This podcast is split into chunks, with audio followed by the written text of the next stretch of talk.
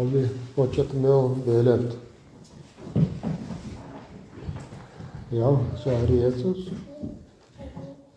Takk for ditt ord. Takk for at du har omsorg for alle mennesker. Ja, for hvert enkelt menneske, slik som vi hørte. Du har omsorg for de som ikke kan noen ting. De som er lamme, blinde, døve, stumme. Ja, takk for at du er slik. Og så ser du vi som er samla her i kveld. Du ser hvordan vi har det hver enkelt. Ja, vil du ta deg av oss, slik som du ser at vi trenger det?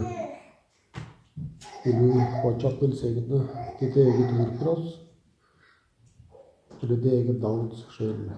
Amen.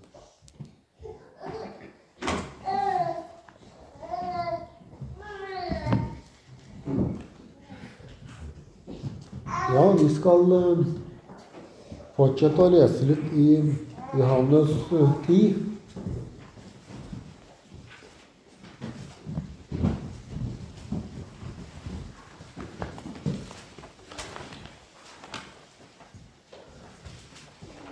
Og vi leser fra vers 11 og til og med 18 i Jesu navn. Jeg er den gode hyrde. Den gode hyrde setter sitt liv til for fårene. Men den som er leiekar og ikke hyrde, den som ikke eier fårene, forlater fårene og flykter når han ser ulven komme. Og ulven, ulven røver dem og jager dem fra hverandre. For han er leiekar og har ingen omsorg for fårene. Jeg er den gode hyrde. Jeg kjenner mine, og mine kjenner meg. Liksom Faderen kjenner meg, og jeg kjenner Faderen. Jeg setter mitt liv til for fårene. Jeg har også andre får som ikke hører til i denne innhegningen. Også dem må jeg lede, og de skal høre min røst. Og det skal bli én jord og én hyrde. Derfor elsker Faderen meg, fordi jeg setter mitt liv til for at jeg skal ta det igjen. Ingen tar det fra meg, men jeg setter det til av meg selv. Jeg har makt til å sette det til, og jeg har makt til å ta det igjen. Dette budet fikk jeg av min far.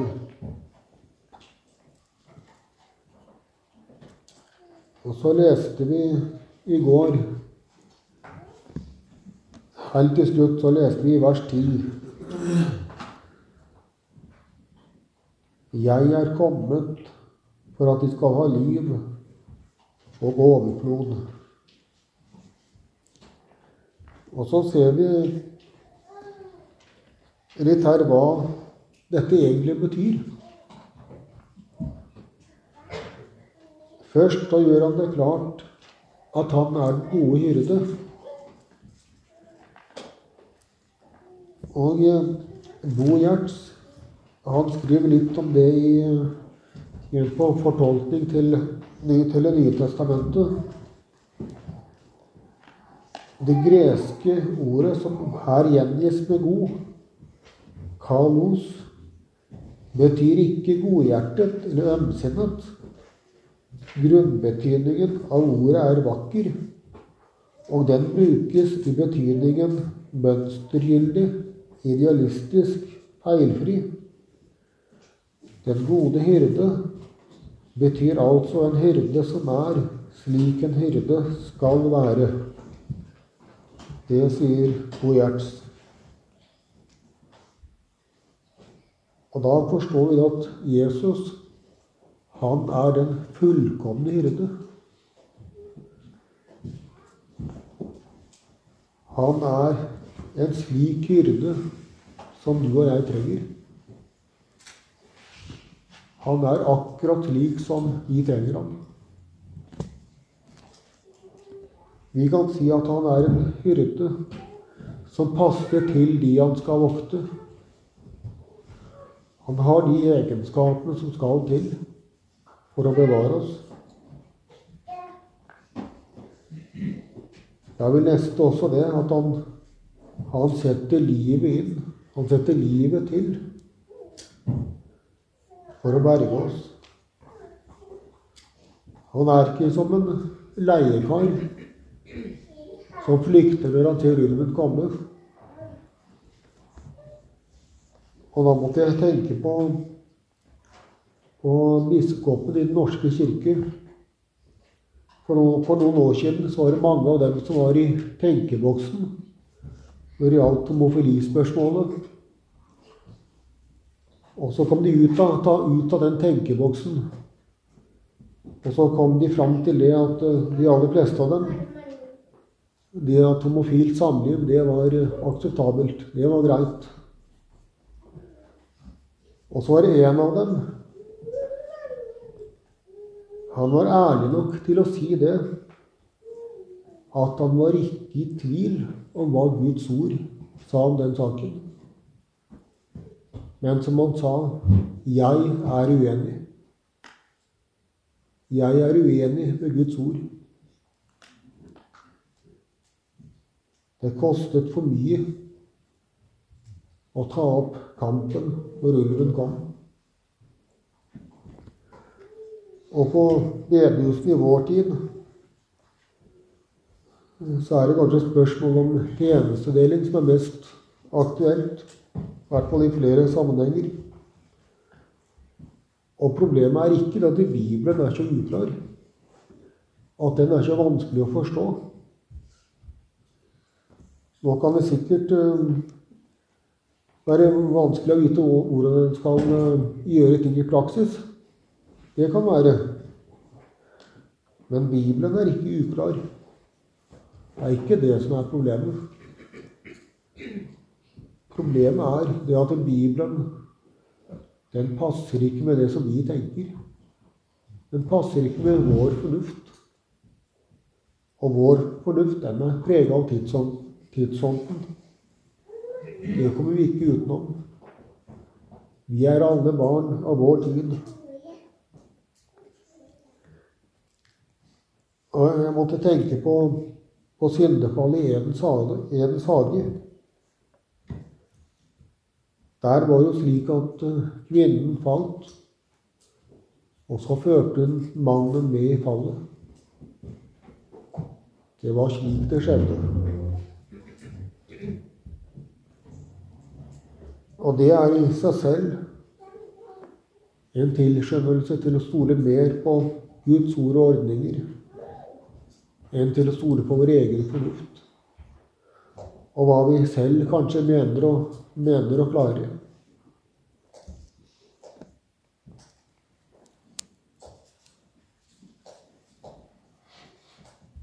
Ja, altså i vers 14, der gjentar Jesus at han er den gode hyrde. Og så legger han til 'Jeg kjenner mine' og mine kjenner meg. Vi ser her at det er et dobbelt kjennskap. Han kjenner oss til minste detalj. Han kjenner alle våre tilbøyeligheter.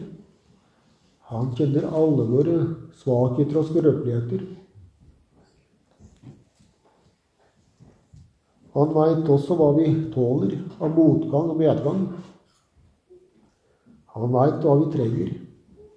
Han veit hva som er til gagn for den enkelte av oss. Ja, han er selv et menneske.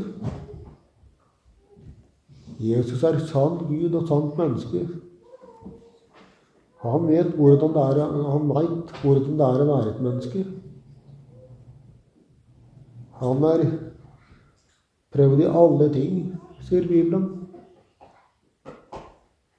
Han veit hva sykdom er. Han veit hva fristelser er.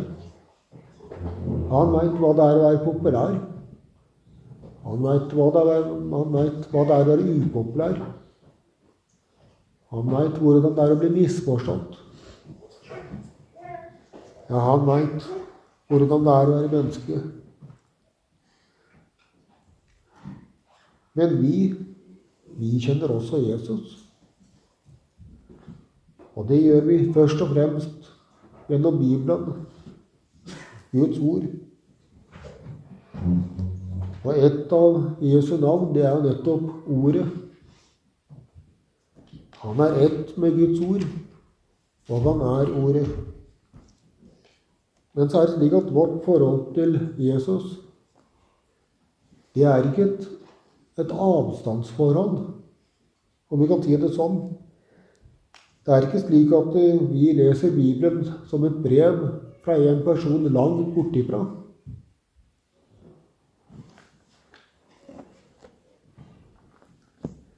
Nei, vi leste i går i Romerbrevet 8,9 at Guds ånd bor i den troende.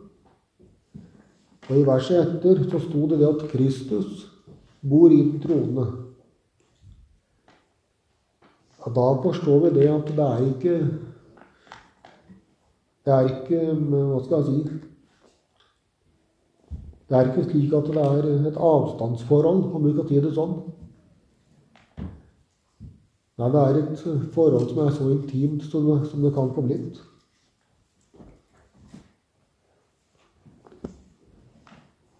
Og så er det det at dette forholdet, dette samfunnet med Jesus, det er et merkelig samfunn. Og jeg syns han Christian Richard han beskriver det så veldig godt i det ene verset i, i sangen på 249 i sangboka. Du som freden meg forkjenner, du en frelser, jeg en synder. Du med amen, jeg med bønn. Du med nåden, jeg med skammen. Og hvor vi dog passer sammen. Du Guds salvede, Guds sønn. Ja, hadde det enda vært slik at vi hadde noe å vise til, hadde det enda vært slik at vi kunne bidratt med noe, at vi kunne fortjene noe, ja, da kunne det enda vært noe. Men hva er det vi har å vise til? Det er synd. Det er utroskap. Det er nederlag. Det er svikt. Det er det vi har å vise fram for Jesus. Bare det som er ondt. Ikke noe godt. Det er ikke noe ved oss som er slik som det skulle være. Det vitner Bibelen om oss, Bibelen om. Og det vitner også erfaringen om for interessen kristen. Som Jesus er den fullkomne hyrde, så er vi den rake motsetningen. Vi er det stikk motsatt av å være fullkommen. Nei, vi forstår ikke engang vårt eget beste. Og vi er raske til å gå våre egne veier. Ja, det er litt av en flokk å skulle være hyrde for. Noen som ikke vet sitt eget beste. Og snur hyrden ryggen til, så er vi over alle hauger.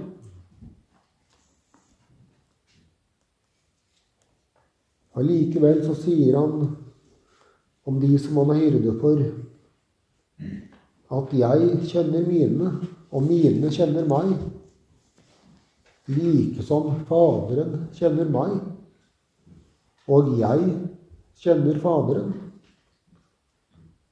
Jeg setter mitt liv til for fårene. Ditt forhold til Jesus, det er som Jesu, for, Jesu forhold til hans far. Og han elsker deg den samme kjærlighet som han ble elsket med av Faderen. Og jeg tenkte på det før, før, før mennesket blei skapt.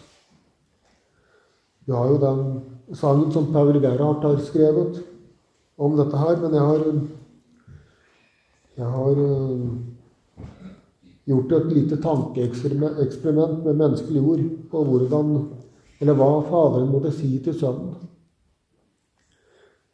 før de gjorde menneskene. Jeg kommer til å bli mektig vred på den skapning vi nå skal gjøre. De vil spytte meg like opp i ansiktet. De vil bli troløse. Noen vil vise meg åpenbar forakt og hat, mens andre vil elske meg med sin munn, mens hjertet vil være langt borte. Og de kommer til å tenke ut ondt hele dagen lang, og de vil gjøre forferdelige ting. De vil baksnakke hverandre og hate hverandre. Ja, de vil til og med drepe hverandre uten å angre eller skamme seg. Er du, min elskede sønn, villig til å ta den straffen menneskene kommer til å fortjene? Er du villig til å bli knust i stedet for disse onde mennesker? Og når du så har sonet deres straff og vunnet dem, ja, da må du regne med mange skuffelser, for de er ikke til å stole på. Du må være deres hyrde og vokte dem dag og natt. Snur du deg bort et øyeblikk, vil de gå sine egne veier. Da må du lete dem opp, og du vil finne dem på de forferdeligste steder, og ille tilrett. Og mange av dem vil forlate deg for godt og nekte å komme, å komme når du kaller dem tilbake. For de vil heller ha en kortvarig nytelse av synden enn din, enn din nåde og barmhjertighet. Din lønn er å være menneskeslektens eneste håp og redning. De som lar seg frelse, kommer til å rope til deg i tide og utide. De kommer til å elske deg og svikte deg om hverandre. Men de som du får berget hjem, skal være sammen med deg til evig tid. Og da skal de være fullkomne og elske deg av hele sitt hjerte. Ja, det er jo slik det er. Og det store er at Jesus, han sa ja. Han sa ja. Enda han visste hvordan det kom til å bli. Han visste hvordan vi kom til å bli, vi som er samla her. Men prisen han måtte betale, den var skyhøy. For han måtte ta på seg alt det som vi er i oss selv. Han måtte ta på seg alle de synder som han hater. Ja, han ble gjort til det som han hater. Det vitner Bibelen om. Han som ikke visste av synd, har Gud gjort til synd for oss, for at vi i ham skal bli rettferdige for Gud. Andre Korinterbrev 521. Jesus, som er sann Gud, han måtte dø synderes død. Gud måtte forbannes av Gud.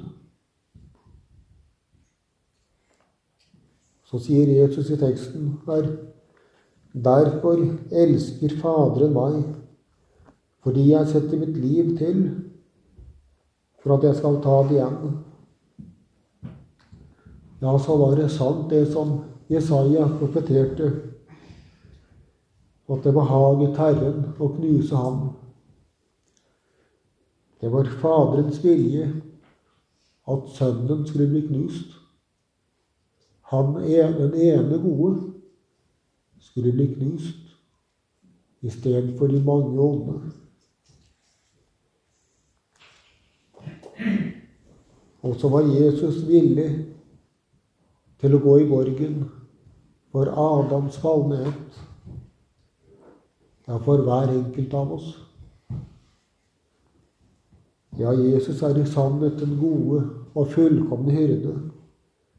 Han satte sitt liv til av seg selv. Da er det ingen som tvang Jesus. Men allikevel så er det rett å si at det var ikke frivillig. Det var ikke det.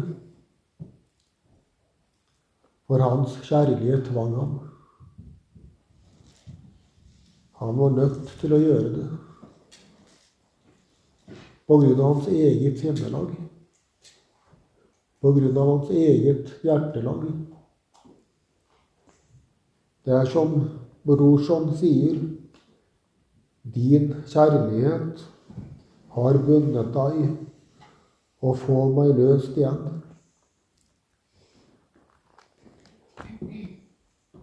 Og da må vi si at det er ingen overdrivelse, det som Johannes sier når han er på Patmos. Så skriver, sier han om, om Jesus i, i, i Åpenbaring 1.5. Han som elsker oss og løste oss fra våre synder med sitt blod. Han som elsker oss.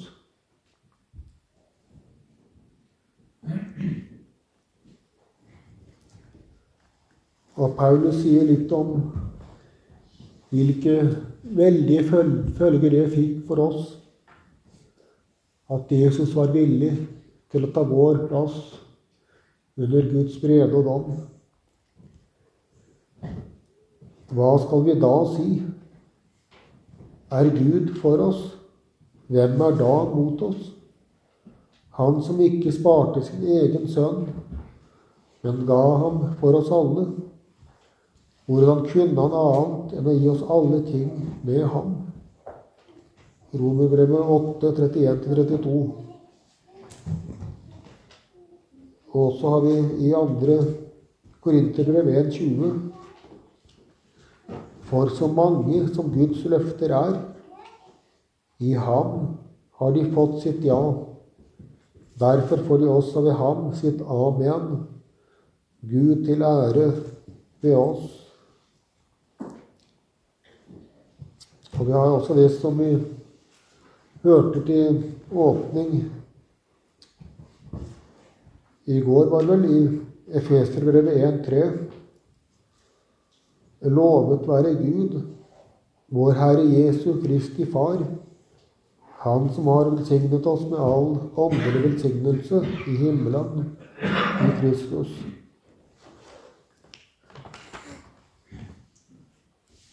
Jeg tror vi må innrømme det at uh,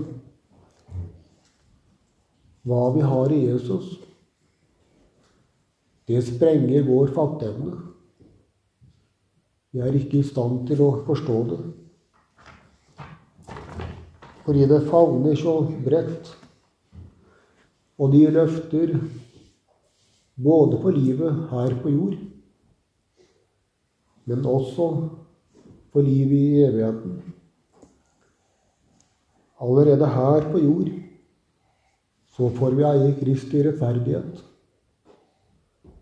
Han skammer seg ikke over, over å kalles vår bror. Og da har vi også den allmektige som vår far. Og så er vi hans eiendom. Hans kjæreste eiendom så har han omsorg for oss i alle ting, slik som foreldre har for sine barn.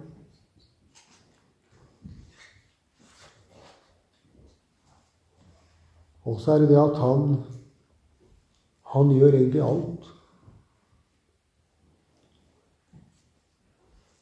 alt det som han krever av oss, det har han fått i sin egen sønn, i Jesus. Det som vi skulle gjort for å stå for Gud, det gjorde Jesus. Han gjorde det fullkomment. Og så er det ikke nok med det. Han er også vår hyrde. Og han har ett, egentlig ett eneste mål med oss. Det er at vi skal nå himmelen. Alt som han gjør, det har dette som mål. Han minner oss om vår synd for å få oss til å vende om til ham. Han kan sende sykdom og ulykke for å minne oss på at vi ikke skal være her på jorda for bestandig. Han sender nød og trengsel for å dra oss inn til seg. Og så sitter du på, på møte sånn, sånn, slik som du gjør nå. Så hører du hva som blir sagt. Og så er du overbevist om at dette er til meg. Ja, ikke bare det, men dette er noe som jeg virkelig trenger. Men så er det som om det biter ikke på deg. Du forskrekkes ikke over alvoret, alvoret. Du kjenner ikke gleden over evangeliet. Eller kanskje du sitter hjemme og så leser du Bibelen, og så er det som om det skulle være sagflis. Det er så tørt, så tørt. Du får egentlig ikke noe ut av det. Det er som om hjertet er uberørt. Det er ingen anger. Det er ingen frelsesfryd. Det er som bare, alt er bare tomt. Og så er det nettopp da, når du mangler alt Da skal du huske på det at Jesus, han er ikke din hjelper. Han er din frelser. Han skal ikke først og fremst hjelpe deg med å bli en skikkelig kristen.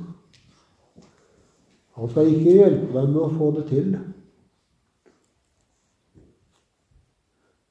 Han skal hjelpe deg så du når fram, så du blir bevart helt fram til himmelen.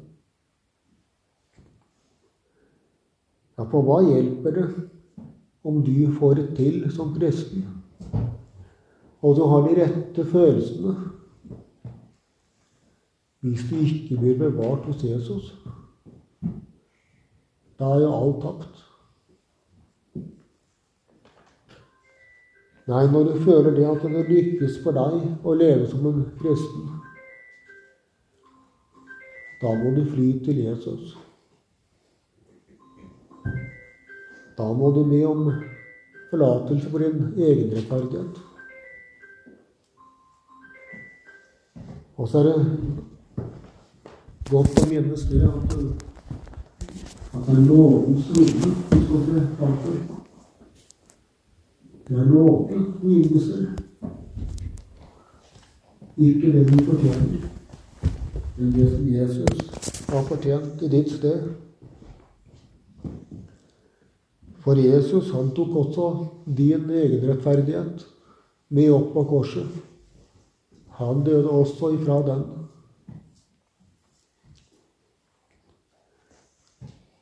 Og så er det på samme måte når du merker det at det nytter ikke for deg å være en kristen slik som du er. Ja, da skal du også vende deg til Han, Han som er din kristendom. Han som har kjøpt deg til Gud med sitt eget blod. Ja, enten det er ugudelighet, eller om det er lunkenhet, eller om det er egenrettferdighet eller noe helt annet som er ditt problem, så har Jesus levd det livet du skulle leve. Og ikke en eneste en av dine synder ble glemt da han døde på korset. Og nå vil han ha deg som lønn for det han har gått gjennom, for det han har ofra. Og da må du ikke forakte og forkaste ham som har ofret seg helt, ene alene, for å gi deg liv og overflod i all evighet.